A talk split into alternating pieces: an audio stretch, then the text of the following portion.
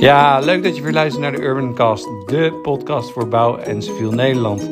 In deze derde aflevering ga ik in gesprek met David Becking, Master of Culture and Experience, belevingsgericht projectmanager. Goedemorgen David. En goedemorgen Wouter. David, wij hebben elkaar natuurlijk een tijdje terug al gesproken. Mhm. Ehm, eh, door mijn uitnodiging en dat je zei, ik ben hartstikke enthousiast hierover. Ik wil graag mijn verhaal doen. Ja. Ehm, en ik heb jou natuurlijk ook eh, jou even je LinkedIn bekeken, wat je hebt gedaan. Nou, ja, dat moet je echt tegen jezelf uitleggen, want er staat hier heel veel. En ja, kan je iets vertellen over hoe je begonnen bent en wat je hebt gedaan? En, Ja, ja zeker. En, en, en waar dan vervolgens die intro uit vandaan komt. eh, die ja, ja, Ja, ik ben eh, in, een, in een ver verleden eh, heel lang zoekende geweest in, in wat ik nou wilde. Ehm, eh, ik ben wel echt een mensenmens. Ik vind het heel leuk om met, eh, met mensen bezig te zijn. Eh, maar daarnaast hou ik ook van, eh, van dingen creëren. eh, bouwen, ontwerpen, creatief zijn. Dus ehm, nou ja, vanaf de middelbare school wel heel erg zoekende nog. Maar op een gegeven moment ergens in de techniek terechtgekomen. Ja. Ehm, en eigenlijk parallel daaraan ook een, een trainersloopbaan opgepakt. Dus ik, ik knipte eigenlijk die twee belangrijkste aspecten van mijn zijn, die knipte ik los. Dus ik was op het, op het voetbalveld en met, met de teams waar ik bij betrokken was, daar was ik mijn mensenmens. En in de techniek kon ik gewoon lekker focussen op het stukje creëren en bouwen. En ehm, ja, dat is een hele tijd goed gegaan. Eh, ik ben in eerste instantie begonnen als eh, bouwkundig ingenieur eh, in de woningbouw. Ehm, omdat je daar ook nog wel redelijk dicht tegen het, het menselijke stukje van, van bouwen aan zit. Ja. Ehm, de leefomgeving. Mhm. Maar ik kwam er al wel vrij snel achter dat, en dat heeft natuurlijk ook met de economische crisis te maken, die eh 2008 eh, nou ja, als een van de eerste de woningbouw, eh, de, de, de woningbouw betrok. Ehm, kwam ik erachter dat, eh, dat de bouw wel heel erg op, op processen, technieken, systemen gericht was.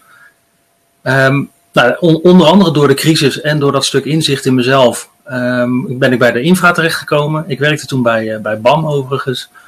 Ja. Nou, BAM volgens mij bij iedereen wel bekend. Dus ik had het grote voordeel dat er een enorme organisatie achter me stond. Waar Ja. ik gewoon intern wat overstapjes heb kunnen maken.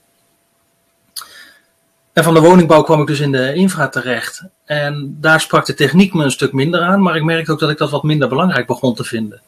Mhm. Ehm, in de infra waren ze wat dat betreft een, een stukje verder met, eh, met het integraal werken. Natuurlijk ook aangejaagd door Rijkswaterstaat.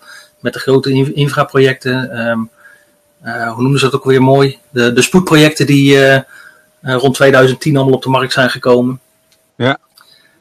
Ja, zo ben ik daar eh, vanuit, eh, vanuit een klein onderdeeltje van, eh, van BAM, gespecialiseerd in geluidsschermen, ben ik daar ingerold.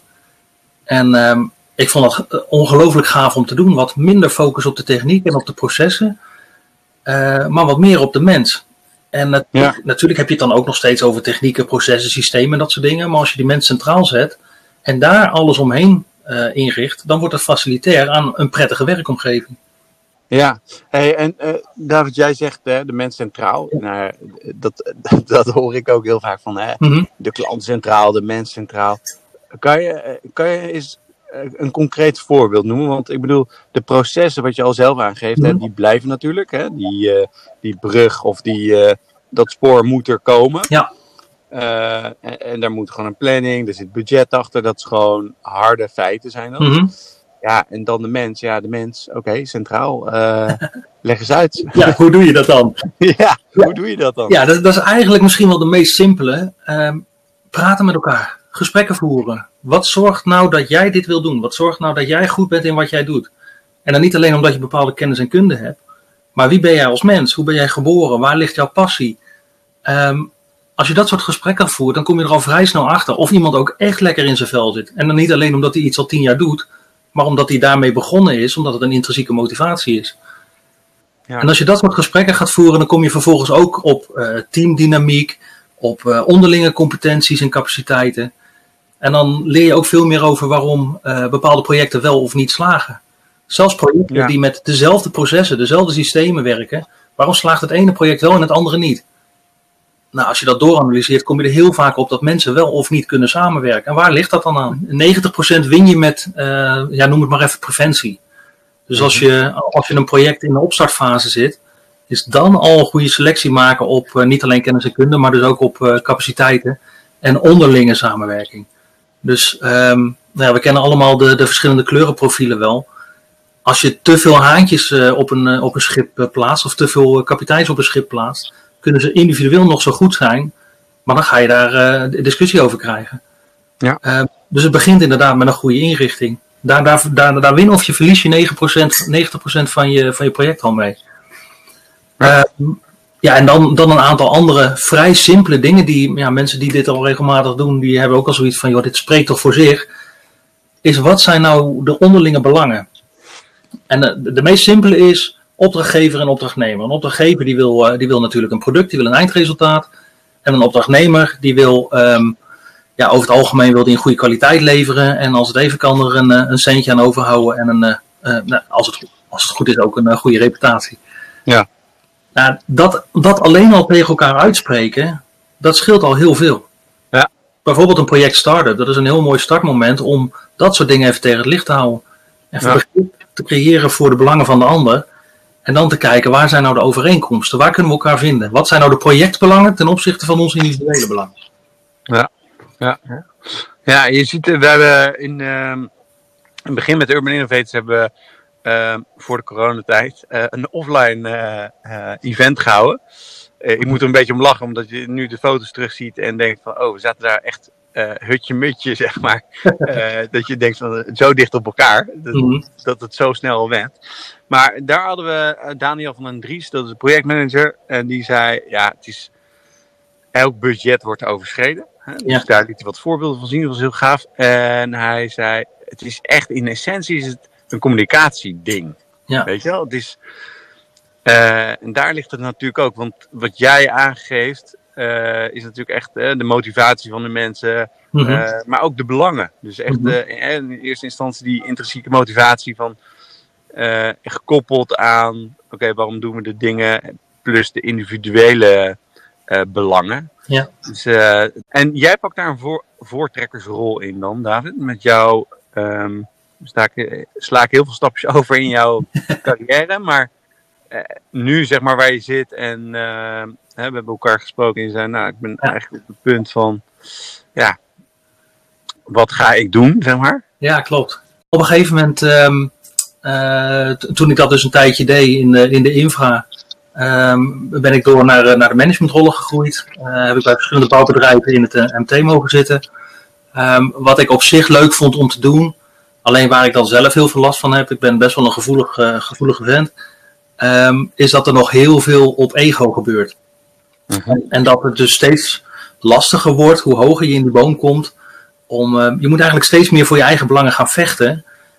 Ten opzichte van het, eh, het, het grotere geheel. En dat vond ik gewoon lastig. Dus ik heb op een gegeven moment ook gewoon gezegd: Weet je wat?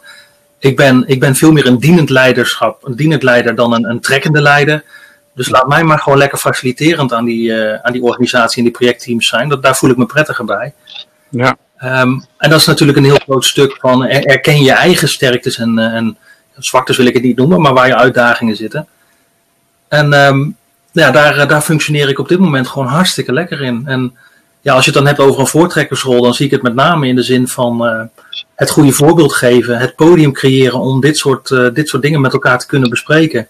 Zorgen dat je ondersteunend bent aan dat, dat, die cultuur en die, dat klimaat van veiligheid en, ehm, en vertrouwen, waarbinnen mensen centraal kunnen komen te staan.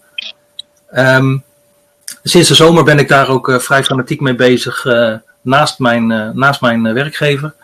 Ehm, en ja, over, een, over enkele weken ga ik dat volledig op eigen benen doen. En dan ben ik beschikbaar dus als, als project, nou ja, noem het maar, facilitator, mediator. ehm verandertrajecten begeleiden. Dus juist dit soort trajecten waarbij, waarbij je eigenlijk van een hele technische invalshoek naar een mensgerichte invalshoek wil. Ja. Ehm, ja, dat is mij gewoon helemaal, eh, he- helemaal op het lijf geschreven, om het zo te zeggen. Eh, eh, het artikel wat ik voor jullie had geschreven in eerste instantie ook over. Er leeft nog best wel veel, veel wantrouwen in, ehm, eh, met name aan de kant van aannemers, maar eigenlijk in de hele bouwbranche. Er zit nog best wel veel, veel angst, veel wantrouwen, veel onveiligheid in bepaalde teams en culturen. En ehm, daarmee wijs ik niet naar anderen, want daar zijn we natuurlijk met z'n allen verantwoordelijk voor. Ja. Maar ik zie daar ook de grootste winst. En laat dat toevallig nou net mijn passie zijn. Ja, dat, dat is hartstikke mooi dat je dat zo samenbrengt. Ja. En dat was die, eh, even uit mijn hoofd, jij zei de exit, angst en afrekencultuur in de bouw en infra. Ja, klopt helemaal. Ja, dus dat eh, is het ook wel een tra- traditionele branche. Ja, dat denk ik wel. Want dat is wel een beetje vanuit de oude eh, command- en control structuren waar, eh, waar de samenleving jarenlang heel goed op gefunctioneerd heeft. Mhm. Ehm, maar dat is wel echt eh, een traditionele top-down organisatiementaliteit. Waarbij mensen vanuit boven in de organisatie naar beneden toe communiceren wat er moet gebeuren. Terwijl er, nou ja, als het goed is, nou niet als het goed is, maar we gaan richting een, industriële, eh, ehm, een vierde industriële revolutie. Sterker nog, we zitten er eigenlijk al middenin. En eh, de, het belangrijkste kenmerk van die vierde industriële revolutie is dat je, eh, dat je eigenlijk gewend moet raken aan verandering. De wereld om ons heen en wat we doen en hoe we het doen verandert zo snel dat we, ehm, we moeten eigenlijk zorgen voor een fluïde organisatievorm waarin we mee kunnen bewegen in alles wat er gebeurt. Ja. Ja. Ja, een ander belangrijk kenmerk van die, eh, van die veranderende situatie waar we in zitten is dat systemen die eerder altijd los van elkaar bewogen, dus ja, bijvoorbeeld ehm, eh, eh, eh, nou ja, de techniek was iets wat, eh, wat helemaal los stond van het mensgerichte stukje. Dat stond weer helemaal los van de biologie. Dat staat weer los van de natuurlijke omgeving waar we ons in begeven. We gaan naar steeds meer integrale, eh, naar integrale eh, organisaties en integrale vormen. Ja, ja het is echt een, Sorry? nee, het is echt een samen, wat je, wat je Ja. schetst nu over die hè, vierde industriële revolutie. Mhm. Ja, het is echt een samensmelting van de componenten. Hè? Dus de fysieke en de biologische en de digitale. Dat, hè, daar zit ik dan meer op. Maar Mhm. die, eh, dat is echt, eh, die komen bij elkaar. En dat zie je eigenlijk in elke Ja. eh, ehm, sector zie je dat. Heb jij nog iets wat je eh, wilt meegeven aan, aan de urban innovators? Ja, wat ik, wat ik zelf heel erg belangrijk vind, en dat is mijn speerpunt waar ik hoop dat, ehm, eh, waar we met z'n allen eigenlijk op gaan focussen. Ehm, het platform heet Urban Innovators en ik zou heel graag willen zien dat we de focus gaan verleggen naar sociale innovatie. Dus een cultuur creëren, waar Urban Innovators ook voor staat, dat we kunnen gaan innoveren, dat het mag om te experimenteren, dat we fouten mogen maken. Want dan gaan we exponentieel groeien met z'n allen en dan merk je gewoon dat we Ehm, dat er veel meer leuke en nieuwe dingen naar voren komen. Dus Ja. Niet te veel focus op al die kleine individuele technische innovaties, maar het creëren op Hmm. een innovatieve cultuur. Ja, zou dat kunnen? Want wij hebben eh, in 2000, ja, eigenlijk vanaf het begin al, is onze kern van kennis delen. Mhm. Komt dat, is dat eigenlijk de essentie? Dat je zo breed mogelijk de kennis met elkaar kunt delen en van elkaar kunt leren en moet leren eigenlijk om het verder te brengen? Ehm, ja, dat heeft er zeker mee te maken, maar meer het fouten mogen maken. We zijn over het algemeen wel een best wel een, een perfectionistisch volkje. Ehm, Ja. En natuurlijk is je deur openzetten, je kennis delen, maar ook ontvankelijk zijn voor kennis van anderen. Eh, Mhm. Niet te beschermend zijn voor hetgeen wat jij hebt en kan, maar juist ook met elkaar en ja, dat stukje mogen experimenteren, mogen uitproberen. La- Laat gewoon regelmatig maar eens dingen mislukken, daar leer je alleen maar van. Ja, is het, eh, is het dan niet dat het veel te veel geld gaat kosten als de dingen fout gaan? Willen we dat niet als, ja, als volk, ja, zeker in deze branche, willen we dat dan niet tegengaan vanwege die kosten, dat het angst regeert? En, en dat is precies waar we vanaf moeten, maar dat zeg je goed. Ja. Ja. Want als je nou bijvoorbeeld kijkt naar het, eh, nou ga ik echt hele giftige dingen zeggen. Kijk bijvoorbeeld Ja, naar ons wat? zorgstelsel. Ons zorgstelsel. Wat zei je, sorry? Kijk bijvoorbeeld naar ons zorgstelsel. Het is Ja. gericht op het herstellen van alles wat er fout is gegaan. Ja, En hoeveel geld daarin omgaat. Dan Ja. weet je dus eigenlijk ook wat je budget is om in preventie te kunnen steken. ja, ja, ja, ja, helemaal eens. Nou zijn we toch weer terug bij af waar we mee begonnen. waar we het eigenlijk niet over wilden hebben. Maar ja, eh, Nee, maar dat, Nee, het, ja. het is wel zo. En als je dan eh, ook gewoon kijkt naar, eh, ja, ja, alles kost geld. Maar als je nu, en nou ja, wat je net ook al zei van, ehm, van die andere man die je had geïnterviewd, Daniel heette die bijvoorbeeld, volgens Ja. mij. Daniel van Dries. Ja. ja, die het had over ehm, eh, budgetten worden altijd overschreden. Dan denk ik van nou, had dat stukje budgetoverschrijding dan van tevoren in een eh, experimentje gestoken, had je misschien hetzelfde uitgegeven en had je veel meer geleerd. Ja. Dan had je misschien wel twee Ja. geslaagde projecten gehad in plaats van eh, een half. Ja, dat, ja, eens. Ja, ik denk ook dat je dat. Eh, ehm, zou moeten aanpakken. Althans, eh, kunt eh, incalculeren. Mhm. Natuurlijk niet 100%, maar dat moet ook niet. Want anders ben je helemaal weer in. Dan is het in beton gegoten. Ja, nee, dat werkt sowieso niet. Wat dat betreft eh, geloof ik heilig in dat Pareto-principe. Ik denk dat je 80% kun je voorkomen. En 20% kun je Ja. alleen maar proberen te managen en te zorgen dat het niet al te veel uit de klauwen loopt. Nee, maar mooi wat je meegeeft tot slot. Dat, Ja, ik, ik kan me daar helemaal in vinden. Mooi. Het is niet. eh, ehm, ja, ik, eh, ik ben benieuwd hoe de luisteraars dit, ehm, dit ontvangen ook. En ehm, de verschillende meningen van eh, verschillende eh, invalshoeken van verschillende expertises Mhm. is natuurlijk. eh, eh, brengt het ook verder. Ja. Dus eh, uiteindelijk eh, eh, zijn wij zeg maar, vanuit Urban Innovators Mhm. Om echt kennis te delen. Echt de, nou ja, de professionals zoals jij Mhm. ehm, eh, en andere professionals een podium te bieden. eh, om hun inzichten te delen, zodat het ook weer ja, eh, gehoord wordt. En ik denk dat dat nou ja, heel erg goed aansluit met wat jij net aangeeft. Ja. Ja, ik hoop het ook, Wouter. En wat dan misschien wel eh, eh, heel erg kenmerkend is voor die vierde industriële revolutie. En wat ik zeg, we moeten leren of wat meer durven experimenteren en fouten maken.